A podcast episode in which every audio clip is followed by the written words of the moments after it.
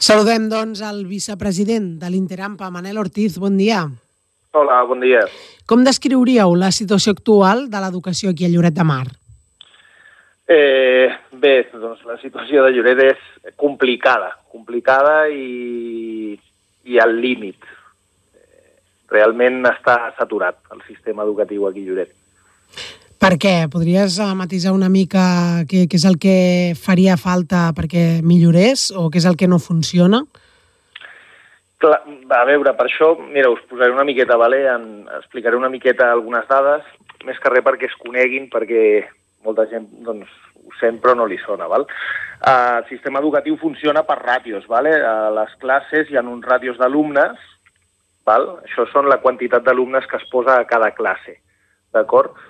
Eh, és de 25, vale? a les classes des de I4 fins a 6è i als instituts, no sé si també són 25, i els d'I3 en aquest cas, com ens obriran una escola nova, doncs han baixat a 20, vale? perquè hi haurà dues aules noves d'I3. Eh, això què vol dir? Hi ha 25 alumnes per classe, eh, a, a totes o a quasi totes les aules del municipi es sobrepassa aquest número, ¿vale? Eh, hi ha un, una permissivitat per llei que es pot eh, superar en un 10%, es diu. Hi ha alguns casos que fins i tot podríem dir que ens passem d'aquest 10%, o sigui, hi hauríem 28 alumnes, casos molt puntuals. Però això què vol dir? Que les classes estan saturades.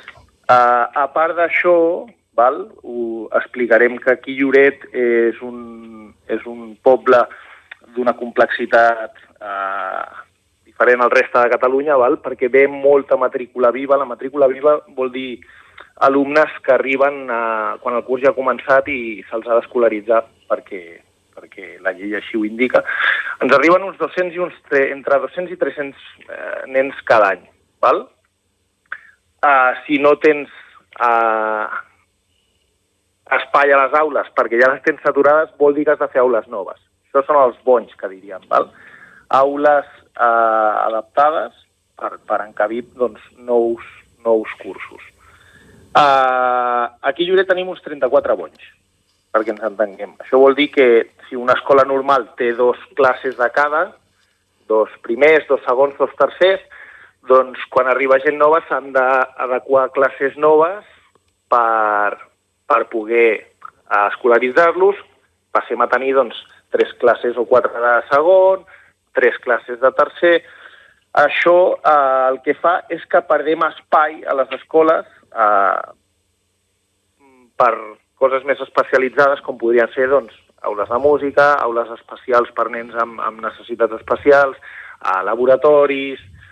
bueno, eh, és complicat, realment. Eh, estem al límit, no hi ha espai, no hi ha més ràtios, bueno, hem de treballar per veure què, què fem i com millorem la situació futura del, del poble en aquest aspecte. Clar, i a part, Manel, eh, parlaves de la matrícula viva, a banda del que és l'espai en si, entenc que, no sé si es tenen o no, eh, però que calen recursos especials per atendre tota aquesta matrícula i sobretot tenint en compte que són nens i nenes que, que solen venir de fora de Catalunya, fins i tot de fora de l'estat espanyol, per tant, que no, ten, no entenen la llengua, eh, una cultura diferent, etc amb tot el que això comporta no? Eh, en una classe. Sí, sí, realment uh, uh, és un tema molt complicat, és un tema molt delicat també. Eh, uh, realment, amb la guerra d'Ucrània, per exemple, hi va haver una gran afluència d'ucranians que arribaven a les classes dels nostres fills, que el que dius, no parlaven l'idioma, eh, les escoles no disposaven d'aules per poder eh, ubicar-los i potser fer-los classes eh, perquè avancessin. Tot això el que fa val, és retrasar l'educació dels, dels nostres fills. Eh, no m'agradaria que això sembli que és un, un, reproche vale, a, a que vingui gent nova, faltaria més.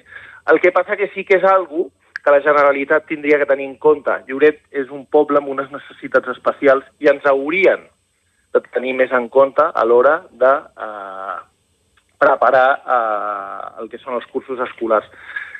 I, bueno, això ja el problema és que ve de molt lluny, val? Eh, directament aquí a Lloret el que necessitem és eh, més equipament, perquè siguent així, sapiguem que és així cada any, eh, no tenim lloc on encabir la gent nova que vingui. És igual, eh, que parlin l'idioma o no el parlin, si el parlen, tampoc tenim espai. Uh, els, el, aquest any, per exemple, els cursos de segon de Lloret de Mar és l'any on, on hi ha més línies de... Línies vol dir aules, vale? de segon. Aquests nens van pujant. Faran tercer, faran quart, faran cinquè i faran sisè. Quan acabin sisè, hauran d'anar a l'institut. I quan arribin a l'institut, aquí Lloret, eh, bueno, tenim dos instituts, el, el Ramon Coll i Rodés i el Roca Grossa, després tenim un institut a, en barracons, pobrets, allà a Sant Quirze, i tenim l'Institut d'Escola. Mm, no sé on els fotrem, realment, directament, tots aquests nanos, quan vagin pujant. Necessitem un altre institut, directament, necessitem més escoles. Eh, I això s'ha d'anar treballant perquè, és, i no em cansaré de repetir-ho, anem tardíssim, anem tardíssim. Clar, perquè ara deies, necessitem més un altre institut, més escoles.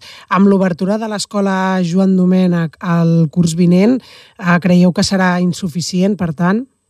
Totalment, totalment insuficient. L'únic que hem aconseguit és baixar les ràtios d'infantil 3, vale? en comptes de 25 alumnes seran de 20. Eh, seran, dic així cruament, eh? la, la nova escola seran tres barracons, val? dos barracons per nens d'infantil 3 i un barracón eh, que i aniran encabint alumnes que arribin a matrícula viva d'infantil 4 i infantil 5. Tots barrejats, com si fos una escola rural, val? Això què crearà? Un gueto. Un gueto que és algo que la Generalitat, en teoria, lluita per evitar. Mm, bueno, veurem com, com funcionarà l'escola. I vosaltres, Manel, veurem, eh? veurem com funciona de cara al curs vinent, en tot cas en farem les valoracions pertinents, però vosaltres, Manel, com a Interampa, eh, amb què esteu treballant, quins objectius us marqueu a curt i mig termini, què és el que podeu fer com a Interampa? Uh, home, això a curt termini, si et soc sincer, em sembla que no tenim pas gaire marge, nosaltres. A mig i llarg termini, la nostra idea és començar a donar a conèixer el problema eh, que tenim a Lloret. Et posaré una altra dada que m'agradaria donar-la perquè crec que és molt, molt significativa també. Aquí Lloret, eh, l'oferta de cicles formatius, val? Lloret és un poble amb uns 40.000 habitants sensats, parlem sensats, val? Cicles formatius aquí Lloret és de 11, val? L'oferta. A Blanes l'oferta de cicles formatius és de 19. Un altre poble que té una, uns habitants aproximadament com Lloret de Mar és Olot. Saps quants, centres, uh, quants cicles formatius té Olot? Quants? 42. Uau.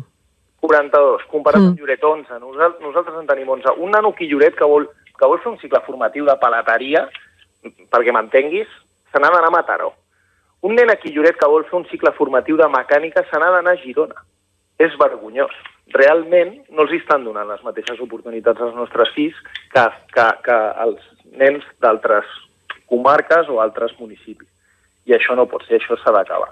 Aleshores, nosaltres a mig termini la idea és donar a conèixer tot això a la, a la màxim, al màxim nombre de famílies que puguem i començarem a intentar mobilitzar-nos per millorar-ho, perquè, perquè ja està bé. Doncs eh, esperem que, que es vagin aconseguint aquests objectius i que ho anem comentant aquí a la ràdio. Manel, no sé si vols afegir alguna última cosa perquè anem una mica justos de temps, però si... Sí que m'agradaria dir, que perquè aquest discurs a vegades és... Eh, sobretot, sobretot, sobretot, això és un problema polític, no és un problema ni de direccions ni dels professors que prou fan i m'agradaria aquí valorar la feina que estan fent amb el sistema que tenim i tal com estan les coses, eh, el com han de treballar. O sigui, un, un aplaudiment per ells perquè realment, ei, la feina que fan és encomiable. Doncs ho recollim i ho enviem a tots els docents de Lloret de Mar i d'Arreu i Manel Ortiz, moltíssimes gràcies per atendre'ns com a vicepresident de l'Interampa aquí al Bon Dia Bona Hora. Gràcies a vosaltres.